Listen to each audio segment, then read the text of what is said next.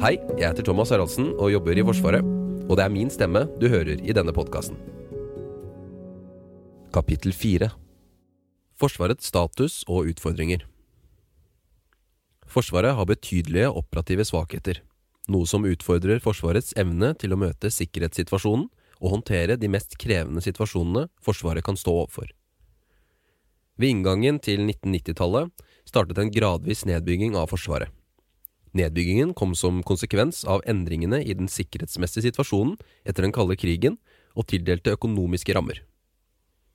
Forsvarets lagerbeholdning, operative strukturer og evne til vedlikehold og fornyelse ble brukt opp, nedjustert eller fjernet. Nato-operasjoner på Balkan og senere i Afghanistan preget Forsvarets fokus og ressursbruk.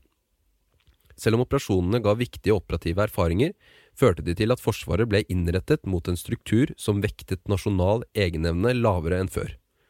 Denne innretningen har ført til at Forsvarets evne til å forsvare Norge ble betydelig redusert.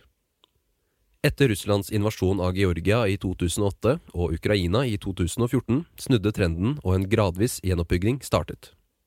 Tidligere og inneværende langtidsplaner er ambisiøse og trekker Forsvaret i riktig retning innen flere områder.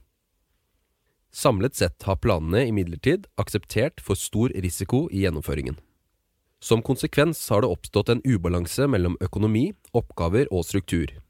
I sum gjør utfordringene at dagens forsvar ikke er tilstrekkelig finansiert og dimensjonert for å løse Forsvarets oppgaver. Norge har donert mye materiell og ammunisjon til Ukraina. Donasjonene er viktige også for norsk sikkerhet, og Forsvaret vil bidra så lenge det er behov.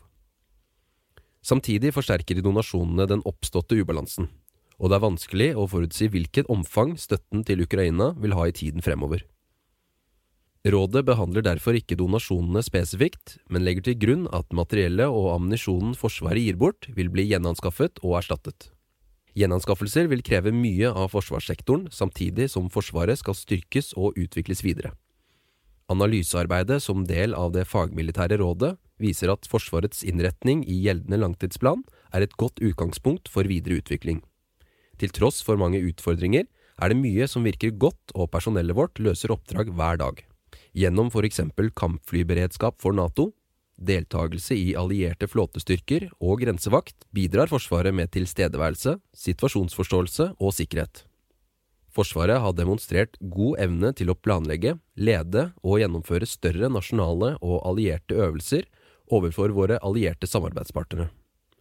Samtidig har Forsvaret gjentatte ganger vist evne til hurtig å snu seg for å løse oppdukende og viktige oppgaver, for eksempel gjennom donasjoner til Ukraina, uttrekningen fra Kabul og Heimevernets grensevakthold under pandemien.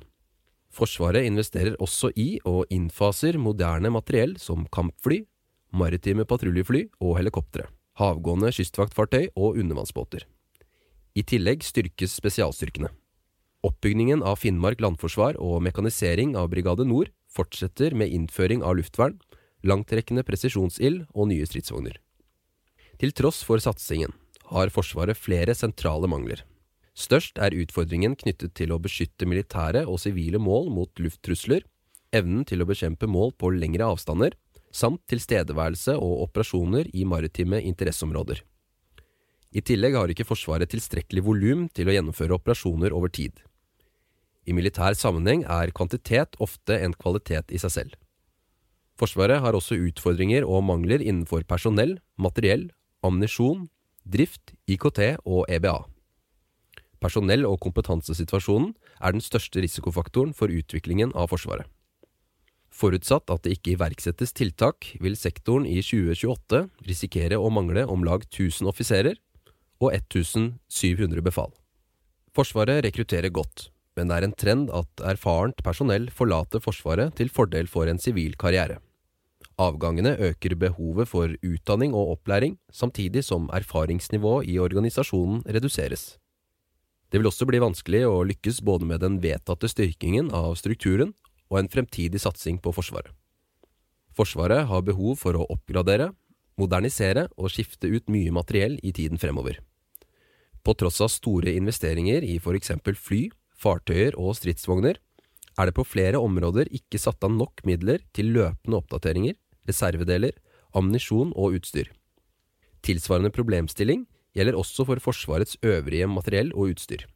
Lagerbeholdningen av ammunisjon er ikke tilstrekkelig. Størst konsekvens for Forsvarets utholdenhet i en stridssituasjon har mangler i lagerbeholdningen av stridsavgjørende ammunisjon. Med bakgrunn i sikkerhetssituasjonen må utviklingen snus. Og for å sikre at Forsvaret får ut potensialet i nye og eldre kapabiliteter i Forsvaret.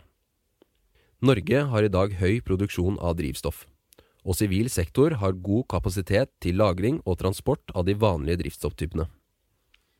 Forsvarets evne til å transportere og lagre drivstoff utenfor fast infrastruktur er imidlertid begrenset, og dette hemmer utholdenhet spesielt for landstyrker. Forsvarets IKT er grunnmuren som understøtter fremtidig digitalisering av alle Forsvarets prosesser, og er avgjørende for daglige operasjoner, styring av Forsvaret og deling av situasjonsforståelse. IKT er spesielt viktig for multidomenoperasjoner, og legger til rette for å utnytte moderne våpenplattformer effektivt. Riksrevisjonen har pekt på flere utfordringer innenfor Forsvarets informasjonssystemer, som over tid har vært preget av manglende modernisering og av et betydelig gap mellom faktisk tilstand og behov. Evnen til å beskytte Forsvarets systemer mot cybersikkerhetstrusler er også begrenset. Forsvarssektoren har over tid ikke greid å realisere effektive og sikre informasjonssystemer som oppfyller nødvendige sikkerhetsgodkjenninger. Et fragmentert ansvar for drift og forvaltning av IKT i sektoren har ført til manglende oversikt og ulike fortolkninger av rolle og ansvar. Vedlikehold, verdibevaring og oppgradering av EBA har over tid ikke fått tilstrekkelig prioritet. Etterslepet er stort og økende. Investeringer og endringer i strukturen har ikke blitt fulgt opp med midler til å etablere og tilpasse nødvendig EBA. Nedprioriteringen fører til at personell i flere tilfeller må bo i forlegninger som ikke holder forventet standard, og at materiell blir lagret i uegnede fasiliteter eller utendørs. Etterslepet på vedlikehold av Nato-finansiert infrastruktur, herunder operative flater for luftoperasjoner og lagre for ammunisjon og drivstoff, reduserer Forsvarets evne til å understøtte allierte forsterkninger i Norge. Forsvarssektoren består av etatene Forsvaret, Forsvarsmateriell, Forsvarsbygg og Forsvarets forskningsinstitutt. I tillegg er Nasjonal sikkerhetsmyndighet en viktig bidragsyter til forsvarssektoren. Forsvarssektoren ledes av Forsvarsdepartementet. I samspill mellom etatene, samt departementet og etatene, er det betydelig potensial for å gjøre prosessene mer effektive. Det fagmilitære rådet ser ikke spesielt på dette potensialet, fordi det allerede er iverksatt en rekke initiativ innenfor det som kalles modernisering og effektiviseringsprogrammet. I tillegg har regjeringen signalisert en tillitsreform som skal bidra til å klargjøre roller, ansvar og myndighet, også internt i forsvarssektoren. Forholdet mellom Forsvarets oppgaver, struktur og økonomi er ikke i balanse i dag. Forsvarets utfordringer knyttet til personell, materiell, ammunisjon, IKT og EBA påvirker den operative evnen i negativ retning. Forsvaret har også svakhet og mangler i sammensetningen av kapabiliteter, særlig innen evne til maritim tilstedeværelse og krigføring, beskyttelse mot lufttrusler og langtrekkende ild.